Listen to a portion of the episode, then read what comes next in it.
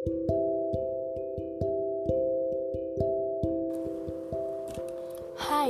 ini aku Maya Nastiti Dan ini dia ceritaku di perantauan Hmm, jauh dari zona nyaman Siapa sih yang mau? Gak ada kan? Ya, ini dia ceritaku di perantauan selama dua tahun yang sudah aku lalui. Mulai dari homesick, kangen temen main, kangen tempat tongkrongan, dan kangen makanan yang serba nyaman, dan juga kangen masakan ibu yang paling utama sih. Ya, semuanya hanya bisa dikatakan kangen sejak di perantauan ada kalanya nih aku ngerasain benar-benar kesepian di kota yang sangat besar ini dan sangat ramai. Yang namanya anak rantau, hidup hidup sendiri, makan masak juga masak sendiri, pengeluaran dan biaya-biaya lainnya ditanggung sendiri.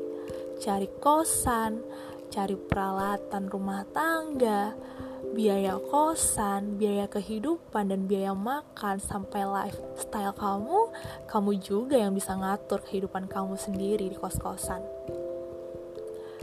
Ya, bedanya ngekos sama keluarga beda banget dong pastinya.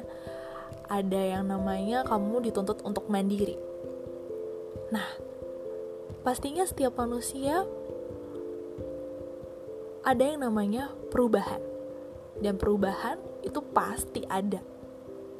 Dan dialami oleh setiap manusia. Tuntutan segala situasi membuat kamu memaksa, memaksa diri kamu untuk bisa mengikuti setiap perubahan yang ada. Siapa lagi kalau bukan diri kamu sendiri? Untuk teman curhat pun di tempat rantau kamu harus bisa mengandalkan diri kamu sendiri. Bahkan dalam situasi sulit ataupun kamu mengalami masalah finansial, itu juga diri kamu sendiri yang harus bisa mengatasinya. Gak ada tuh yang namanya minta tolong sini sana. Ya, namanya anak rantau menuntut kamu harus bisa belajar mandiri. Pasti dong sulit di awal, namun semakin ke sini semakin bisa tuh ngerasain dan nyaman di tempat perantauan. Ya, ber, seiring berjalannya waktu, pasti ada lah yang namanya insecure. Wajar dong insecure, apalagi melihat teman-teman kalian udah maju 2-3 langkah di depan kalian dan mereka sudah memulai karirnya duluan dibanding kamu nih yang baru aja datang di tempat perantauan dan bahkan kamu masih yang fresh graduate gitu. Adalah insecure kayak gitu yang kayak ngerasa kapan sih aku bisa kayak dia? Kapan sih gaji aku setinggi dia?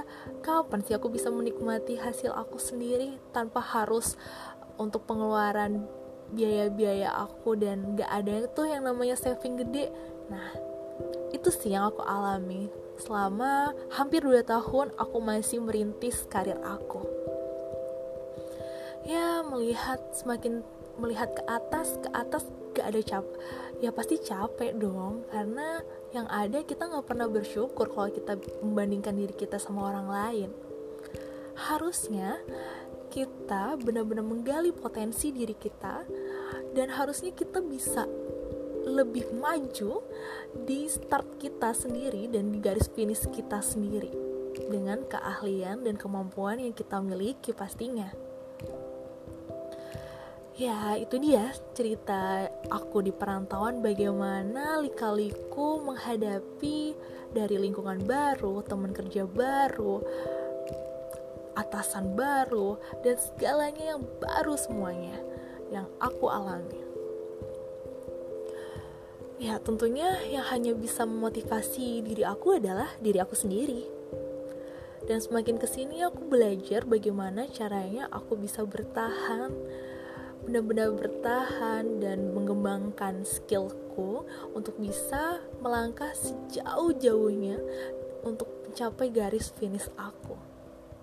Ya, yang namanya memulai karir ada kalanya gaji pas-pasan, tunjangan nggak seberapa, pengeluaran juga banyak, saving apalagi nggak seberapa.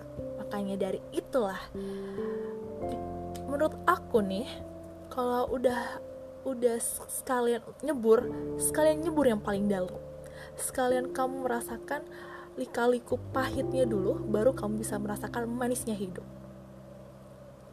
awalnya nggak apa-apa kamu merasakan pahitnya dulu. Baru nanti nih di depan sana kamu bisa memetik kesuksesan itu.